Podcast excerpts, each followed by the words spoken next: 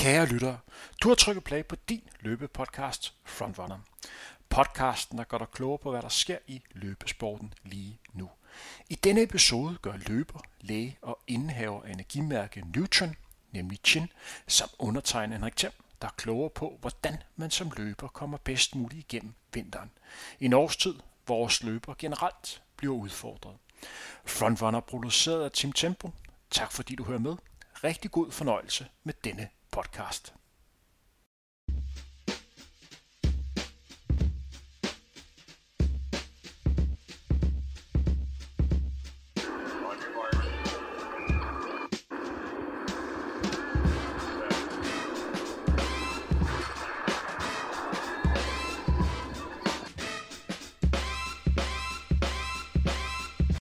Velkommen til, Ching. Jo, tak.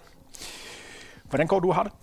Jeg har det godt, udover at det er lidt svært at komme rundt i Aarhus. Så det er dejligt at være i København, hvor man kan se, at, at der er lidt mere frihed til at kunne cykle og sådan noget. Nu bor jeg jo ikke i Aarhus, og vi, vi optager jo her den 10. januar.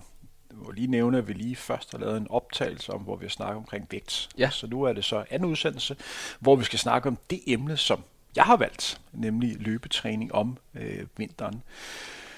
Du nævnte, at der var kommet rigtig, rigtig meget sne i Aarhus. Hvor meget er det egentlig kommet? Uh, jamen altså de fleste steder nok omkring en halv meter i hvert fald. Øhm, og så er der andre steder selvfølgelig, at, at, øh, som har fået mere. Men øh, fælles for, for alle sammen, det er, at det har været rigtig svært at komme rundt. Øh, jeg tror generelt set, hele landet har været lukket ned. Der har jo været nogle historier omkring folk, der har været øh, fanget på motorvejen og sådan nogle ting. Øhm, og, Primært i Jylland. Yes, E45. Og øh, inde i byerne har det også været særlig slemt at komme rundt. Øh, busserne kørte først i går, tror jeg, øh, tirsdag eller mandag.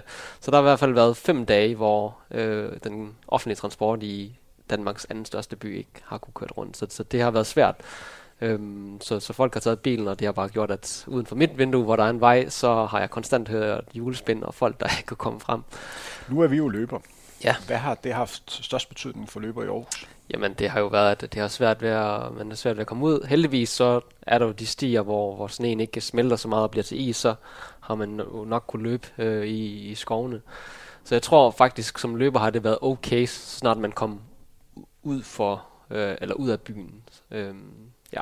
Jeg vil faktisk sige, at jeg tror på, lige præcis på det område har I sluppet bedre, end det har været her i København. Fordi i København er der kommet tilpas meget sne til det sådan, at, at der er noget på, på stierne, men fordi der har været så meget regn, øh, før er der kommet tilpas lidt nok sne til, at der er kommet de der, øh, de der dønner, hvor man, kan, hvor man kan løbe på det. Ja. Så mange steder er det blevet ren skøjtebane. Ja. Og mange steder, hvor man lige skal passe på ikke at, træde for meget ned, for så rører man direkte ned i sådan en ordentlig gang vandpyt. Ja. Det har gjort, at der er mange steder, hvor man virkelig skal passe på, hvor man løber.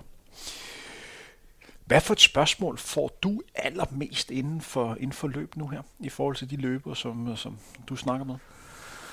Uh, ja, det er nok med, altså det er jo sådan en klassisk, øh, hvordan bliver jeg bedre? Er det det spørgsmål, du får allermest nu her? Ja, eller så er det omkring nogle bestemte træningsmetoder, hvordan øh, de, de mestrer det. Øh, det er nok det, der fylder mest. Meget den her laktat, den Norwegian method, øh, dukker ret meget op for tiden. Som vi to også har snakket om Ja. øh, tidligere. Yes. Øh, så så øhm, jeg kan fortælle, at, øh, at de løber, som jeg snakker med nu her, og ikke kun løber, som jeg, som jeg træner, men også løber generelt, der er mange, der er en lille smule udfordret lige her. Øh, Der er mange, som har tendens til enten at blive syge, eller på vej ud og, og være skadet, øh, fordi som løber, og det er også det, vi skal snakke om i dag, man bliver sgu udfordret, øh, når vejret er som det er her. Hvad skal man gøre øh, helt konkret? Skal man træne mindre? Skal man gå, gå indenfor? Kan man direkte overføre al sin træning og så gå på løbebånd? Skal man løbe hurtigere? Skal man løbe færre kilometer? Der er mange ting, man skal forholde sig til, og svaret er ikke altid, at man bare skal tage på træningslejr. Nej. Undskyld. En kort præsentation af dig. Jamen, øh, ja, jeg hedder Tjen, 32 år, uddannet læge og lige forsvaret PhD, og så øh, har jeg et firma ved siden af, der hedder Nutron, hvor jeg laver sportsernæring. Og ellers så er jeg, ser jeg mig selv som inkarneret løber, og i hvert fald stor passion for, for sporten. Generelt også udholdenhedssport, og, og kender en del i, i løbemiljøet i Danmark. Nu gjorde du lige mit arbejde. Det var præcis det, jeg skulle til at øh, sige. Men det, det vi skal snakke om nu her, Altså, hvordan man kommer bedst muligt igennem vinterperioden. Hvor vigtig er sådan en vinterperiode øh, for løber? Det, for de fleste, eller for de fleste sportsgrene, så er det ret vigtigt.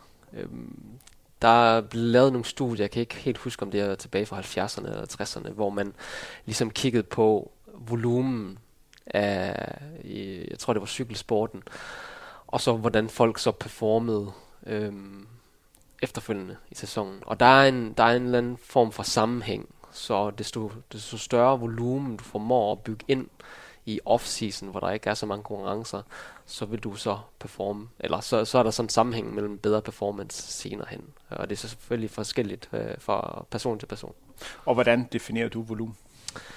Jamen, mængd øh, er, øh, hvis man så løber, hvor mange kilometer du løber, og cyklen, hvor mange kilometer du så cykler. Og så, så kan man sige, så har der selvfølgelig været en, et, et skift i, hvordan man opbygger sin off-season og sådan ting, men, men generelt set, desto mere ikke så højintens træning du kan få ind, det, desto bedre mønner det sig ud senere hen øh, i gennemsnitligt.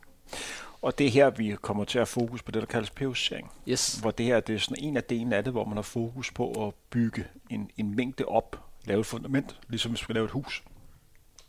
Fordi hvor vigtigt er det, ud fra dit kendskab til træning, man har den her periodisering, at man sådan, øh, bygger det op med forskellige faser?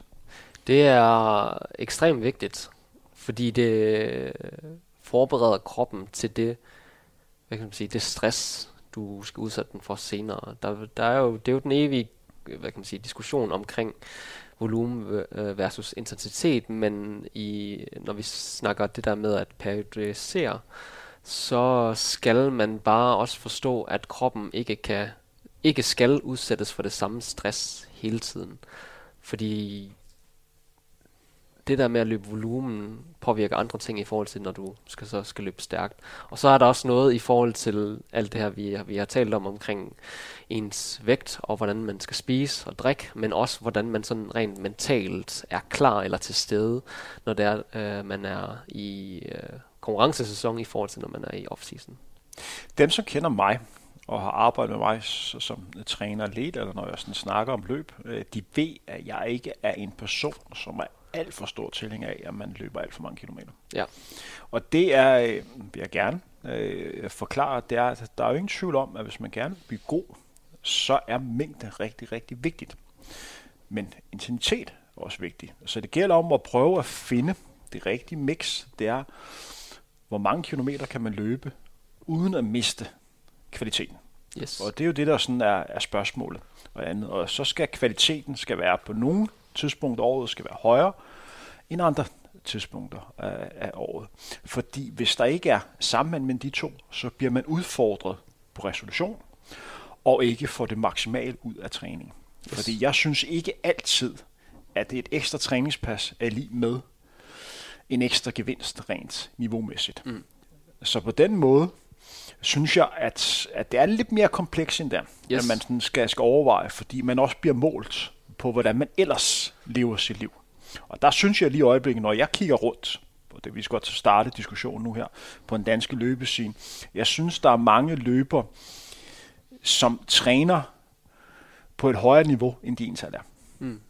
At de simpelthen, hvad kan man sige, øh, får løbet typisk for lange ture, i weekenden med det formål, det gør dem bedre, mm. men rent faktisk sker der med, at de kommer til at smadre sig selv, mm. og så går det ud over de næste par dage, som også er vigtigt træningspas. Yes. Jeg tror på, at at træning i dag er vigtig, men den er lige så vigtig som den træning, der er i morgen, og det er sum af de antal træningspas, du kan få på så højt niveau som muligt, der gør dig god over tid, så du får skabt den der kontinuitet. Ja. Og der er det flot, at man kan løbe 25 km eller 30 km en lørdag, men hvis det gør, at du ikke får trænet særlig godt søndag eller mandag, så måske vil jeg hellere anbefale måske kun at løbe 20, så også være klar til at kunne løbe ordentligt søndag mandag. Yes, helt sikkert. Uh, og det, det er godt, at vi ligesom er, er to fra den ene og den anden lejr ikke? Uh, i forhold til det her. Og, og alt det her, det er jo relativt. Det handler om, hvor gammel du er, øh, hvor dit niveau ligger, hvad har du været vant til gennem mange år. Det er klart, hvis du løber 5 km i forhold til, at du løber maraton, så, så ser det anderledes ud.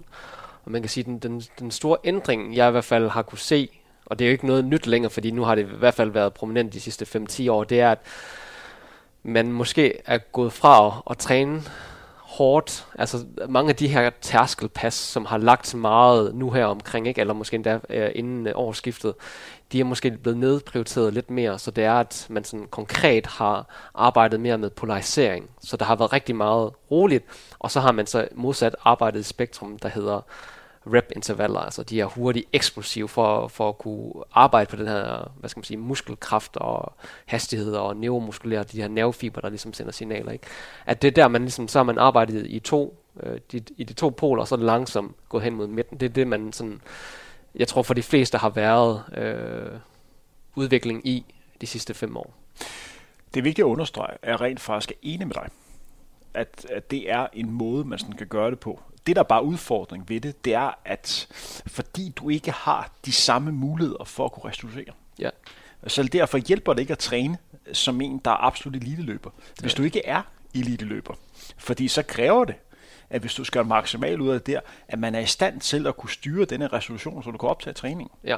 Fordi ellers så får du bare ikke det maksimale ud af det. Yes. Øh, og der er jo, at, altså, der vil du nok snakke med Henrik Thiem, der hedder før børn, og efter børn. Fordi hvis du har snakket med mig før børn, så vil jeg sige, ja ja, det skal jeg nok have styr på, det, det andet. Men vi skal også bare have med i konteksten, hvem er det, vi, vi snakker om? Og der er også noget forskel på, hvad du har rent arbejdsmæssigt. Fordi ja. hvis du er presset rent arbejdsmæssigt, øh, både øh, rent mentalt, men også rent fysisk og andet, er det også noget, der koster ind i forhold til resolution. Ja, helt sikkert. Helt sikkert. Altså, alle ved jo, at man efter et hårdt kvalitetspas er smadret og har brug for at tage nogle rolige dage. Men volumen vil også påvirke dig på andre punkter, øh, måske mere mekanistisk, ikke? Og, og sådan nogle ting, hvor, hvor altså, det er en belastning at løbe så mange skridt ekstra i forhold til en, en, en kortere tur. Så, så det er også en belastning. En ting, vi også lige skal have fokus på, det er jo, at lige nu her, hvis man vælger at løbe udenfor, vi har haft en, en periode i december, du har godt nok været hjemme, fordi du ude at rejse, hvor det har regnet helt af helvede til. Nu er det sådan begyndt, at det er begyndt at blive meget ekstremt i Danmark, fordi lige pludselig går det bare for at regne tre uger i træk til, lige pludselig nu er det bare hammerende koldt. Ja. Så vi er nede og snakke sådan tilfaktor til omkring sådan minus 10, minus 15. Det har det vel også været i Aarhus, det har det været i, i København. Ja. Når jeg er ude at løbe, og når jeg snakker med andre løber, altså man skal arbejde lidt mere, ja. Øh, fordi kroppen bruger ekstra meget energi. Kan man bibeholde det samme volumen, som ellers vil gøre, når vi er nede her i de temperaturer? Man skal da tænke lidt over, at kroppen bruger lidt ekstra energi på at holde sig i gang. Skal ja. man ikke det? Man kan sige sådan, generelt, generelt set, din krop, der har vi det her, man kalder basal metabolisk rate. Så det er den energi, din krop bruger bare for at holde dig selv i live, i hvile. Den stiger jo, når det er, at det bliver koldt, fordi din krop skal holde sig varm. Ikke?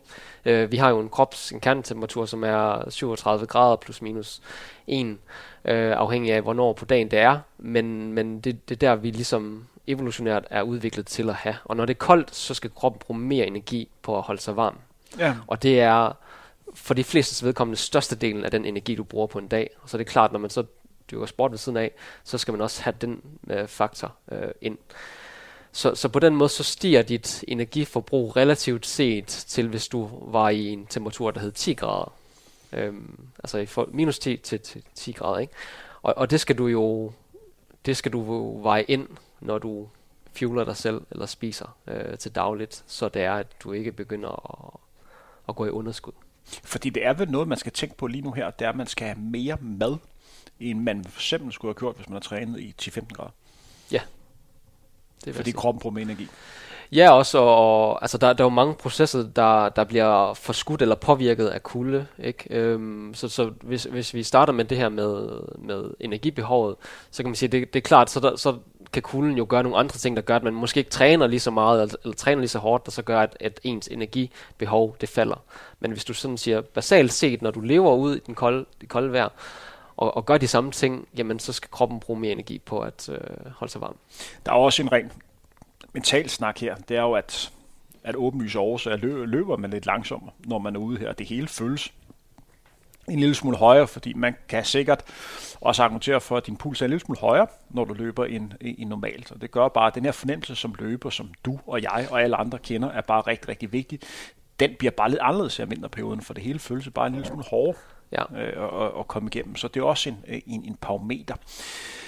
En ting, som vi også lige skal, skal snakke lidt om, øh, det er jo sollys. Ja. Den her mangel på sollys, hvordan, det, hvordan kan det påvirke vores træning? Jeg bliver skør, hvis jeg har 10 dage uden sol, øh, så ja. jeg bliver helt, jeg bliver helt rundt. Så det er godt, du bor i Danmark, øh, Henrik. Jamen, jeg er også født et forkert sted. Altså. Ja, altså sollys gør mange ting. Generelt set, altså jeg tror de fleste, de kan, de kan mærke, at kroppen er mere fyldt med energi, øh, når det er, man får, får sollys. Der er noget, der, der trigger nogle, nogle ting i vores hjerne, så det er, at når man ser noget, eller oplever sollys på kroppen, så vågner man mere op. Og så er der jo nogle andre ting, især, især omkring D-vitamin, øh, hvor vi har noget kolesterol i huden, som, som ligesom bliver på en eller anden måde aktiveret og omdannet gennem vores lever, så vores... Øh, vores nyre, som så bliver til aktiv D-vitamin, som så gør, at vi absorberer mere calcium fra, fra tarmen og, og andre ting. Så det er, at man ligesom kan vedligeholde ens knogle, hvad kan man sige, balance. Øhm, så, så der er noget der med, at især om vinteren i det land, vi bor i, så, øh, så kunne man godt overveje at tage D-vitamin, øh, og det øh, anbefaler Sundhedsstyrelsen også, at man gør. Er der andre ting, man kan overveje at tage, når vi kigger på sådan kosttilskud, for at optimere ja. i løbet af vinteren? Ja, altså det er jo også lidt en, et betændt emne. Jeg tror generelt set ikke på kosttilskud, med mindre man har en mangel. Øh, så og hvordan mærker man har en mangel? Jamen det, det er svært, fordi det er oftest, når man er gået langt ud, men, men det man oftest øh, ser, det er D-vitamin, og så er det jern for de fleste. Og så er der lidt mindre i forhold til B12, og så øh, nogen snakker lidt omkring magnesium. Men det er sådan de store øh, kosttilskud, øh, som man kan tage til at dække de behov for, for de mikronæringsstoffer. Og den store symptom, hvis man ikke får det, det er vel træthed, er det ikke? Ja, træthed og... Uoplagthed. Ja, Øh, og så kan det, mm, hvis det bliver rigtig skidt, jamen så får du svage knogler og sådan nogle ting øh, i forhold til D-vitaminer har større, ja, der, der er forskellige sygdomme relateret til det. I forhold til sygdom, ja. øh, det er jo også en, en issue for mange her i, i vinterperioden. Øh, du har garanteret også haft sygdom øh, inde på kroppen her de sidste par ja, det har, har jeg også, øh, også haft. Alle bliver syge i øjeblikket. Hvordan skal man forholde sig til i forhold til, til træning? Jamen, det er jo sådan lidt der er forskellige skrøner, tror jeg, omkring det der med at træne, når man er syg. Der er ingen tvivl om, at det påvirker dig. Øhm, de fleste, man kan jo ikke det samme. Man, er jo, man har jo bare lyst til at ligge i sengen, indtil man øh, er blevet rask igen. Der er nogle enkelte studier, der kigger på i forhold til performance, og det påvirker din performance. Så hvis du er i en inflamme, inflammeret tilstand, fordi at du har fået en eller anden øvre luftvejsinfektion, jamen så går det ud over øh, de hastigheder, eller den watt, du kan træde pedaler, det er ofte cykelrytter, man undersøger. Så, så, så det påvirker din performance, og så kan man sige, så er der jo det der med, at forlænger du så din periode med sygdom, hvis du så træner undervejs. Der er ikke, jeg synes ikke, at videnskaben eller litteraturen er så, hvad skal man sige, så sikker på det. Det er også svært at, at lave studier, fordi så skal man, tager man kun folk, der er syge til at, til at komme ind, og så skal de uh, exercise, sådan noget, så, så det er rigtig svært. Generelt set, så, så tror jeg, at personligt, så vil jeg nok give kroppen ro, indtil jeg kan mærke, at man ligesom er over det, det værste stadie, inden man ligesom begynder at træne igen. Og det tror jeg, at de fleste elite-atleter, eller atleter, vil kunne genkende til, det er, at du kan ikke træne dig gennem sygdommen, hvis du er rigtig syg med corona. Fordi vi er vel enige om, at hvis man har feber i kroppen, så skal man ikke ud og træne. Enig. Og hvis man kan mærke, at man har sygdom på vej, så kan det bedre betale sig at måske ændre træningspasset, eller helt droppe det, for at holde den her sygdomsperiode, som er på vej, holde den ned. Fordi en træningsdag til eller fra, er ikke det, der gør den store forskel over tid, hvor det er kontinuitet, der er altafgørende. Yes. Øh, fordi vi kan godt være enige om, at det, det gælder om, og det er at få så mange gode træningspas på så højt niveau som muligt. Fordi ellers kan sådan en sygdom bare tage lang tid at komme ovenpå, ja. øh, hvis man træner igennem dem, fordi det bliver bare noget rod hele vejen igennem. Og så kan man gå og være forkølet, hvad, 14 dage. Ja. I forhold til, øh, i forhold til tøj og andet, hvad, altså, er der nogle ekstra ting, man sådan skal være opmærksom på, eller skal man bare løbe med det, som man, man der er rast om vinteren? Øhm, der er jo det der, hvordan man siger, at, at der, er, der er ikke noget, der hedder dårlig vejr, kun dårlig påklædning. Og det, det, er, det er faktisk rigtigt. Øhm, der, der er lavet en del studier på, hvordan kolde temperaturer påvirker ens performance, sådan generelt set. Og jeg ved godt, nu, nu snakker vi sådan lidt mere omkring, hvordan man bedst kommer gennem vinteren, men, men der er en del øh, folk, som har undersøgt, hvad det vil sige med påklædning og, hvad kan man sige, øh, nogle effektmål i forhold til, hvor, hvor godt man træner og, og performer. Og generelt set, så kan man sige, de fleste har jo nok enten haft for lidt eller for meget på. Hvis du har for lidt på, så er det bare ubehageligt hele tiden. Fordi når du tager ud og løber, så stiger din kropstemperatur, fordi at du genererer mere varme fra de øh, hvad skal man sige, muskelkontraktioner, øh, du laver af dine muskler. Og den varme vil jo så gå ud af kroppen, øh, fordi at du gerne heller ikke vil have en for høj temperatur i kroppen. Og så samtidig med, når det er koldt, så vil du allerede begynde at fryse, kan man sige, når man kommer ud. Men når du så har nået din peak, øh, hvad skal man sige, temperatur i kroppen, og kroppen så gerne vil af med den her temperatur, jamen så lige pludselig så vil du føle, at det tøj, du har på, det er for meget. Hvis, hvis du kender den følelse, Henrik, at man ligesom øh, starter øh, turen, hvor det ligesom føles koldt, og så, øh, eller det føles behageligt, og så bliver det for varmt til fordi man har for meget tøj på. Jeg har typisk den, øh, hvad kan man sige, den regel, at man gerne skal stå og fryse en lille smule, ja. før man skal afsted. For hvis du har det, så rammer du den rigtige. Men i forhold til påklædning vil jeg også øh, sige, at, at da jeg løb rigtig meget, altså der er nok nogen, der stadig synes, jeg løber en del, men jeg løber ikke øh, hver dag, som jeg gjorde tidligere. Der kunne jeg nogenlunde ramme dem perfekt i forhold til, hvad jeg skulle på. Ja. Fordi at man sådan kunne huske og kunne lide andet i dag her, selvom jeg er så rutineret, så kan jeg, kan jeg sagtens opleve dage, hvor jeg rammer lidt forkert i forhold til tøj. Hvor at øh, der godt kan være forskel på dagene, og det kan man godt mærke, at det går ind og lidt påvirker træning, enten man er for lidt på eller for meget på. Lige i øjeblikket kommer man nok til at tage lidt for meget på når man, fordi man tænker, jeg skal fandme meget tøj på, når det er sådan der. ja. Men det kan også være ubehageligt, når man kommer ud. Og hvis man har for lidt på andet. Så den der følelse af, at du aldrig rigtig kommer i gang med træningspasset, mm. fordi benene føles lidt tunge og, og, og føles lidt gummiagtige. Det er jo yes. heller ikke den, øh, hvad kan man sige, den fedeste følelse at have. Og det er bare noget, det er bare noget, man mister relativt hurtigt. Altså, øh, det er, at når du er inde i den her rytme her, så er man lidt bedre rustet til, hvad man skal på. Men hvis man ikke helt er der, så er det godt nok, øh, ja. godt nok svært. Men en god regel, det er, at man skal gerne stå at øh, stå og fryse lidt ind. Ja, det er jo det der med, at, at hvis du står og fryser lidt inden, jamen, når du så kommer i gang, så begynder du at generere mere varme, og når du så kommer af med den varme igen, og måske også begynder at svede, sved, altså vand, det er jo virkelig med til at, hvad kan man sige, at, at hjælpe dig med at komme af med, med varmen. Og så kan du lige pludselig begynde at fryse igen til sidst. Det tror jeg, at de fleste har prøvet, når de løber nogle intervallpas. Ikke? Så, så man skal ligesom finde noget, noget tøj, som også er i stand til at kunne, hvad kan man sige, jeg tror, de fleste sigter efter ikke at komme til at svede alt for meget, fordi hvis du gør det, så kommer du virkelig til at fryse når du så er færdig med dit kvalitetspas, eller hvad det nu er, man, man laver på det her tidspunkt. Så, så på den måde, så, øh, ja, så, så skal man finde det rigtige tøj. Det er, det er der ingen tvivl om. Ja, men, og der er også nogen, der gør, det er, at de, altså hvis det er en rundstrækning, de løber på, eller løber på banen, hvis de skal løbe et intensivt, det er, at de varmer op med lidt mere, øh, lidt mere tøj på, og så yes. smider de en jakke eller en mellemlag, når de skal løbe den ja. intensive del, og så kan de tage det på efterfølgende, fordi den der fornemmelse, som du nævner, at man sådan øh, bliver kold, fordi man har svedt en del. Altså, det er heller ikke så fedt afslutning træning på det, også når vi snakker i forhold til, til sygdom, fordi mm. man bliver jo klam.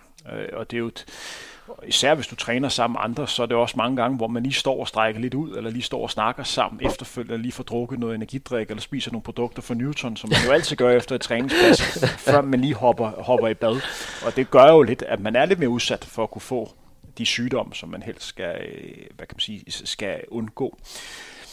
Ting, som vi ikke har fået svaret helt på, det er, når vi rammer sådan en periode, som vi lige har overstået, hvor det er rigtig svært at løbe udenfor, hvor man gerne vil flytte sin træning ind, ja. måske andre steder, yes. Øh, på løbebånd, eller måske skal løbe endnu mere på sne og andet. Hvordan balancerer man her? Fordi mit indtryk lige nu her, det er, at der er mange løber, som render rundt med en eller anden form for, for udfordringer. Øh, fordi at hvis man løber på bånd, så ændrer man typisk løbestil. Yes. Altså, man løber øh, lidt anderledes. Man kommer typisk også til at løbe øh, lidt stærkere, øh, end man plejer. Hvis man løber udenfor, så bliver ens løbestil også anderledes. Der er mange steder, hvor det nærmest er rent skøjtebane, og hvis mm. der er, er meget sne, øh, så bliver det også meget tungt. Der er andre muskler, du bruger, og hvis det er rent asfalt, du løber, det er også hårdt på kroppen, hvis du er vant til at løbe på, øh, på, mm. på skovst, øh, skovstier normalt. Det er godt nok meget man lige skal holde styr på her som løber for at kunne undgå de her skader? Ja, eller, eller så skal man i hvert fald finde en eller anden form for balance. Altså løbebånd er jo et, et godt værktøj, primært fordi, at alt er så kontrolleret. Ikke? Du kan løbe af den samme fart i det tidsrum, du nu gerne vil. Øh, og især her om vinteren, hvor, hvor det ikke er så oplagt at tage ud, så kan man hoppe på løbebånd, og så måske lave nogle af de pas, som man ikke vil gøre udenfor. Så, så ja, jeg ved ikke, hvor, hvor, sådan, hvor sindssygt svært det er. Jeg tror, det handler mest omkring at vide, hvor det er, man skal lægge de rigtige træningspas indenfor. Fordi det kan også være død og pine at løbe 25 eller 30 km på et løbebånd, og så daler din motivation fuldstændig. Men hvis du skal lave et eller andet tærskelpas eller et eller andet, så, så er det måske meget rart at, at komme ind på løbebåndet, og så bare sætte den på, og så øh, sidde og lytte til en god podcast eller sådan noget, mens man ligesom løber den her. Og så skal man selvfølgelig opveje i forhold til, hvad betyder det, når jeg løber på løbebåndet. De fleste har sådan en regel med, at så skal det være 1% øh, grad eleveret, så, så er det sådan nogenlunde samme effort, eller ja, som når man løber udenfor. Og så skal man selvfølgelig have en mente, at du naturligt vil sætte farten ned, når du løber nogle af de længere tærskelpas, når du bliver træt, hvorimod løbebånden den bliver jo bare ved, og den hjælper dig jo sådan set også lidt, så skal man måske være lidt opmærksom på, at ikke at, at køre det for langt ud, så man går over i noget ja, overbelastning. Min erfaring det er, at fordi du får foræret bagspark, når du løber på løbebånd, og der ikke er, der er så heller ikke noget vindmodstand. Men for nogle type løber, de bliver markant bedre løber ved at gå på løbebånd. Ja. Folk, der ikke har et så høj helspark, fra naturens side får relativt stor hjælp rent ja. løbeøkonomisk med at komme på løbebånd, og de vil bedre løber. Mens løber, som har et højt bagspark fra naturens side, der bliver det lidt tierdyr, der kommer på løbebånd, og så bliver det sådan lidt akavet. Og de vil faktisk nogle gange performe dårligere på mm. løbebånd, fordi deres løbeøkonomi, øh, hvad kan man sige, bliver ringere. Mange gange anbefaler også løber i forhold til hastighed at bruge sund fornuft. Ja. Altså hvis det føles relativt nemt, det her, så nok fordi, at at der er et eller andet galt med båndet, og så skal man skrue farten op, medmindre man har pulsmåler på. Man skal for guds skyld lade være med at bruge sit GPS-ur, fordi ofte vil den vis øh, forkert. Der er mange, der tror mere på deres GPS-ur end på, øh, end på løbebåndet. Der vil jeg nok sætte spørgsmålstegn øh, med det. Ja. Men brug, øh, brug sund fornuft. Jeg dig en lille anekdote. Har vi tid til det? Kom med den. Så der var på et tidspunkt, at øh, Findes.dk, der nu øh, er det ikke opkøbt af Sats, det, det tror jeg det er. Øh, så, så øh, de var sponsor for, øh, øh, hvad kan man sige, for Team Danmark. Øh, så, så, så der var en masse, der havde fået adgang til, til Fitness.dk for at træne. Og jeg var så en af dem. Og så jeg lå og løb intervaller på, på løbebåndet. En af de største Fitness.dk-center øh, herhjemme.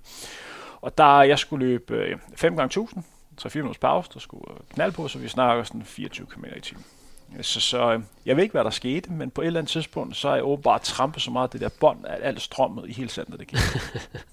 Så jeg fik pænt vide, at, øh, at det kan godt være, at de havde en samarbejdsaftale, men uh, jeg skulle ikke rigtig løbe til hver, fordi alt lortet gik ned. Og det var på grund af åbenbart mit, uh, mit Det, det er måske en ret stor klap på skuldrene. Ja, ret stor Så det siger måske lidt mere om, uh, lidt mere om, uh, om center. Men er der andre ting, man skal være opmærksom på i den her i denne omgang, eller overgangsfase, eller skal man bare bruge sin sund fornuft? Jeg synes, øh, måske en ting, som vi ikke har talt så meget omkring, det er, at hvis man skal løbe kvalitet, så er det vigtigt, at man er ordentligt opvarmet. Fordi at kroppen simpelthen bruger længere tid om at blive klar. Der er, der er en meget tydelig sammenhæng mellem, hvad skal man sige, temperaturen i dine muskler, og også din led generelt, og, og hvordan du performer. Så hvis din øh, temperatur i dine muskler er normalt, når vi sidder og hvilet her, så er den måske omkring 32-ish. Og når vi så begynder at løbe stærkt og komme op i fart, så, så, så begynder den at, at stige, og så måske omkring 38-39 og sådan noget. Og desto højere temperatur, desto mere er de muskler ligesom klar til at performe. Men der er vi jo derhenne, som jeg synes nogle gange nogle udfordringer på nogle løbegrupper, det er, at jeg kan godt forstå, at man gerne vil varme op sammen. Ja. Øh, men hvis du er 30 personer, der varmer op sammen, det kan der nogle gange være i, i nogle klubber, der løber op, ja. og løber, lad os sige, de svinger fra 28 minutter på en 10'er øh, til 40 minutter.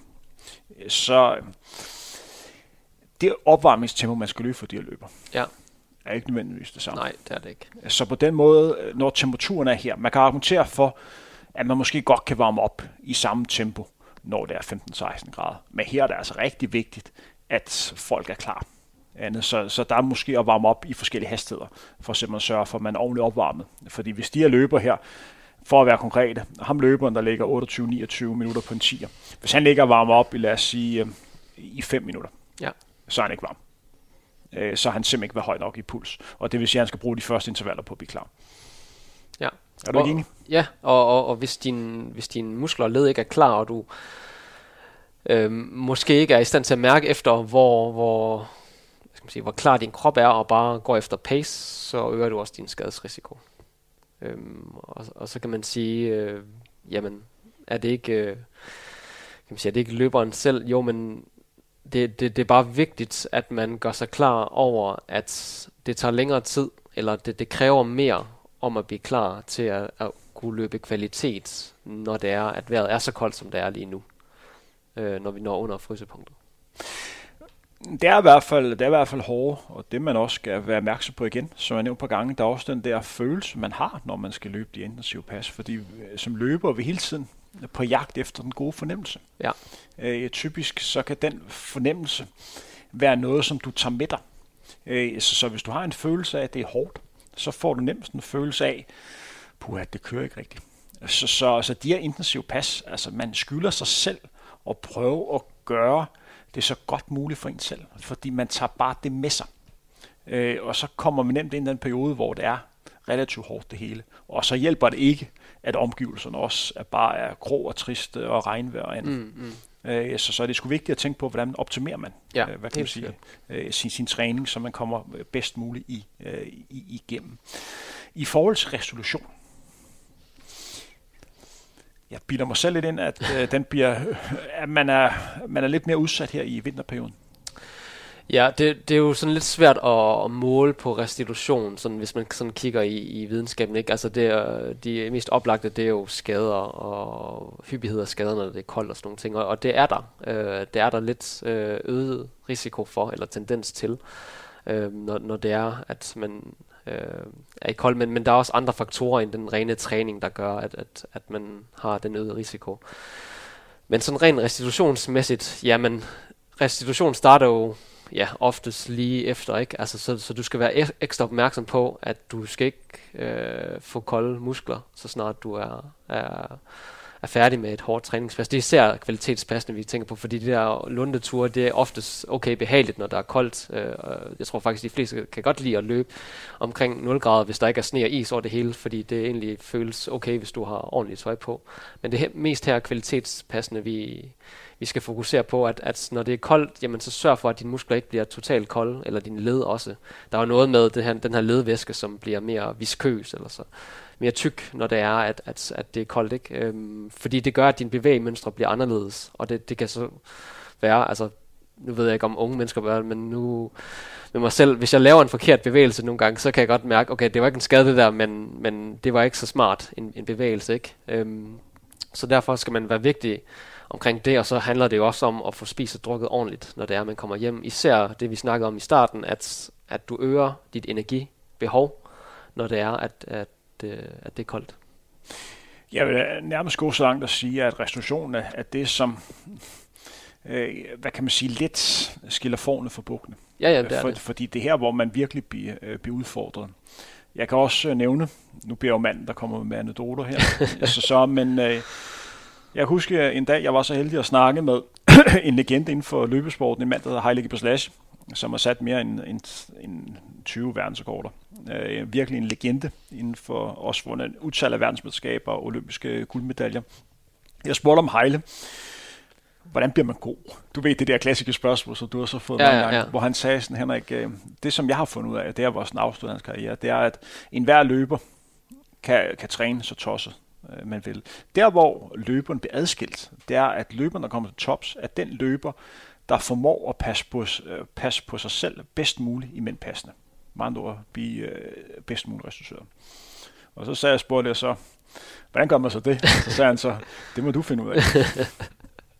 Er ja. du enig med den gode Heile? Ja, men det, det er det jo. Det, det er jo sådan lidt mentraet, øh, som har kørt sådan efterfølgende, så det kan godt være, at han var, han var forud for sin tid på mange måder faktisk. Øhm, med at, at du bliver ikke god af at bare kunne presse dig selv i et, i et enkelt træningspas, eller presse dig selv i et år. Ikke? Altså det, det, det, det, man ser i dag, hvis du skal være en dygtig løber og virkelig nå til tops, så skal du kunne blive ved år efter år, øh, uden alle de her skadespauser. Fordi det er virkelig det, der forhindrer løbere. Det, og det er jo sådan lidt det, hvad kan man sige, det utilgivelige ved den her sport, det er, at vinduet for, hvor lang tid de fleste i hvert fald kan, kan performe, det er ret kort. Det er øh, ikke alle sammen, der, der kan blive ved, indtil man er slut 40 øh, og, og går fra kortere distance til, til maraton senere hen. De fleste de stopper meget tidligere. Vi hører bare ikke om den, fordi at det ikke er så stort, øh, stor en sport endnu. Så, så ja, dem, dem der knækker koden til restitution, det er også dem, der vil blive bedst i sidste ende. Og vi må også lige nævne, at der er selvfølgelig nogle elite løber, og der er sikkert også mange af jer, som hører med, som kender folk som træningslejr i øjeblikket. Træningslejr er rigtig fedt, og det er godt at bruge, øh, hvor man kan træne under bedre temperatur, end der er herhjemme. Det man bare skal være opmærksom på her, øh, det er, at dem, der er lang tid på træningslejr, og hvis du vender dig til at løbe i 20-30 graders varme, når du kommer hjem igen og skal starte træning op i kulden, det er så svært. Det er virkelig svært, når kroppen først har vendt sig til at være på træningslejr. Så det skal man lige overveje, inden hvordan man ligger den her træningslejr i forhold til det, der venter efterfølgende. Ja. Samtidig er en parameter også, som jeg synes nogle gange bliver lidt glemt, når vi snakker sådan performance, det er, at hvis du vender dig til at løbe i 20-25 grader, men det første løb, du skal løbe, det er kun i 3 grader. Ja. Så er der kæmpe forskel på. Og det er, jeg kan godt huske, første gang jeg var på træningslejr, hvor jeg lå i, øh, i 30 grader varme, og så kom jeg hjem, og så dagen efter skulle jeg præstere i minus 4 grader. Ja. Altså, jeg løb ikke særlig godt. jeg, jeg, jeg sad i saunaen, inden vi skulle afsted. Jeg tænkte, fuck, det er koldt det her. Altså, ja. så, så det kan ikke anbefales. Nej. Og, og det, det, det er faktisk rigtig godt, du tager det op, øh, Henrik, fordi at sådan videnskabsmæssigt, så er der rigtig, eller ikke rigtig meget, der findes en del omkring varmetilvænding. Hvordan man optimerer sig selv, så man performer bedre i varme. Men der er ikke særlig meget til kulden, men det 100% at der er en eller anden form for tilvænding. At, at folk, der er vant til det klima, hvor det er koldt, øhm, det er også dem, der vil kunne performe, har bedst chancer for at performe relativt set på dagen, i forhold til folk, der kommer fra varmen, og så til kulden. Ikke? Fordi kroppen er bare vant til de inputs, hvis du bor i Danmark eller i Norge, hvor, hvor, hvor vejret bare ikke er så godt, og det blæser, og, og du fryser, og så skulle konkurrere de samme elementer, det du, vil du være meget bedre stillet til, end hvis du kommer fra Østafrika eller øh, andre steder. Og, og det så man jo faktisk lidt, måske med eksempel i Boston Marathon sidste år, hvor Kipchoge kom over, og man tænkte, ja, jamen, han, han vinder og slår jo andre. Men det var jo koldt, og man kunne godt se, at han ikke var sig selv øh, da man kom øh, længere ud.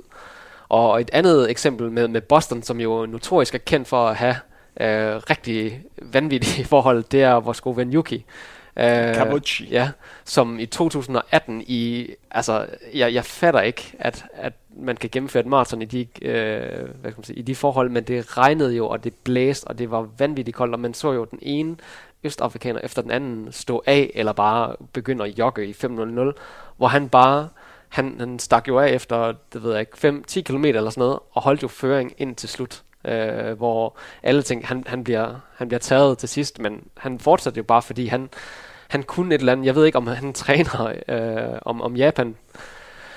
Også har de, hvad skal man sige, forhold øh, i hans træningsperiode, men han, han kunne bare spise sig selv, og man kunne godt se, at han, det ikke var uvandt for ham at være i sådan nogle forhold her, relativt set til folk, der ja, øh, måske er lidt mere solskin. Og øh, jeg tror, at den bedste par man kan lave der, det er jo i forhold til cykelsporten for eksempel, fordi at den store fordel, hvis man interesserer sig for cykelsport kontra løbesporten, det er, at man ser de bedste cykelrytter lidt flere gange, end man gør end de bedste øh, løber. Så derfor kan man lidt bedre forholde sig til, at der er nogle rytter, som performer bedre under visse type vejr.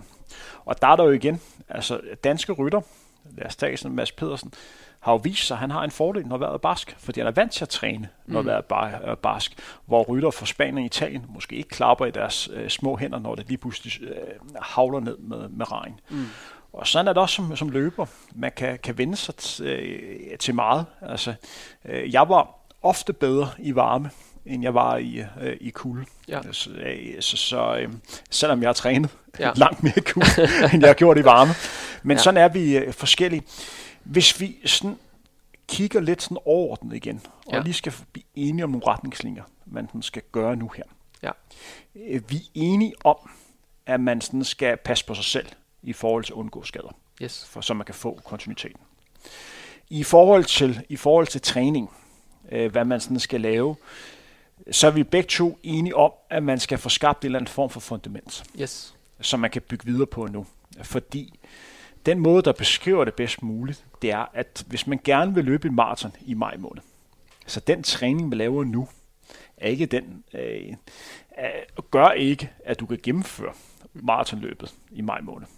Der kan nøjes med meget mindre. Men hvis du gerne vil løbe godt løb, så skal du i gang nu her. Og så skal man træne på et, på et vist niveau. Ja. Og der er det vigtigt, at man sådan får, øh, hvad kan man sige, får bygget op. I forhold til løbebånd, tænk over, at man belaster kroppen anderledes. Tænk over, hvordan det påvirker løbestilen. Kør med hældning på. Øh, og brug sund fornuft, hvis det lige føles unaturligt nemt. Det er ikke altid 1 km på løbebånd er 1 km, fordi det er kalibreret øh, Mm. mm. forkert. Brug puls som angivelse. Lad være med at bruge GPS. Hvis man løber udenfor, sørg for at have tilpas øh, løbetøj på, og så tænk over, øh, over underlag. Er der andre ting, men, og, og, og restitution, sørg for at hurtigt få noget at spise. Ja, og så for at lave en god nok opvarmning, øh, hvor du føler dig klar, og ikke skal opvarme dig op i de to første sæt, øh, som du skal løbe. Og så generelt set, så er det bare sådan, ja, jeg, det jeg måske ser oftest, det er, at folk træner for hårdt om vinteren. Altså hårdt, selvom de godt ved de her ting, som vi diskuterer nu med periodisering og polarisering, så, så, så træner de stadigvæk for hårdt om vinteren, fordi der er alle mulige ja, øh, kulturer og tendenser, ikke? Fordi man skal ligge og løbe langsommere om vinteren, Ja. ja. end man skal om sommeren. Yes. Øh, så så øh, pulsen skal også være forskellig. Fordi det er bare hårdt at løbe om vinteren periode. Så, så tempoet skal bare være anderledes. Og hvis man ligger og løber de samme tider, Ja. så træner man forkert. Og, og, og nu har vi jo meget fokus på træningsformer, fysiologien og sådan noget, men, men der er også det der i forhold til det mentale, at du skal vide, at det er okay nu, og måske ikke at være i de der hårde smertegrænser, eller smertetilstanden, man er i, når man løber de hårde intervaller, at det er okay. Det kan godt være, at man skal løbe, hvad ved jeg, 3 gange 10 minutter, noget af den stil, sådan klassisk, ikke? At, at du sådan effortmæssigt ikke behøver at ligge lige så hårdt eller lige så hurtigt. Det er okay at, at køre det lidt ned, så det er, at du mm, har en eller anden form for overskud, når du så rammer februar, marts, måske april, og så virkelig skal skrue op for de hårde intervaller, så, så, så er du ligesom klar til at, at, at køre hårdt på, i stedet for at du udmatter dig selv nu, og så rammer du marts eller, eller april, og så kan du bare ikke håndtere måske en til to måneder mere, og så dør du fuldstændig. Og vi må lige understrege, det vi snakker om nu her, det er, at man skal toppe sin træning til sommer. Yes. Fordi hvis du har, som der er nogle løber, øh, som har nemlig et, et vigtigt løb i februar eller marts måned, så ser den her prioritering lidt anderledes ud. Ja. Og hvis man sem, som maratonløber skal toppe i februar, vi har jo maratonløbere, som skal løbe Sevilla Marathon i februar, blandt andet Karen Erik fra Aarhus, går efter at nærme sig OL-krav. Hun er udfordret lige nu her, fordi hun skal ud og have de lange ture, og hun skal have den her intensitet, som, som kræver. Og der er noget af det, der kan løbe på, på bånd, men det er trods alt ikke helt det samme. Nej, Det er det ikke. Så, så der er man udfordret, hvis man skal træne i Danmark, og vejret er, som der er lige nu her. Yes.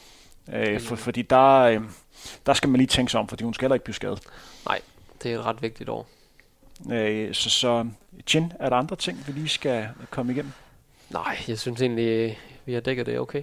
Øh, så, så, så vil jeg gerne sige tak til dig, Chin, fordi Jamen. du har lyst til at gøre lytterne klogere på, sammen med undertegnet Henrik Thiem, hvordan man bedst ruster sig her til vintertræning i øh, 2024. Det er vores frontrunner. Tak fordi du hører med. Rigtig god træning derude.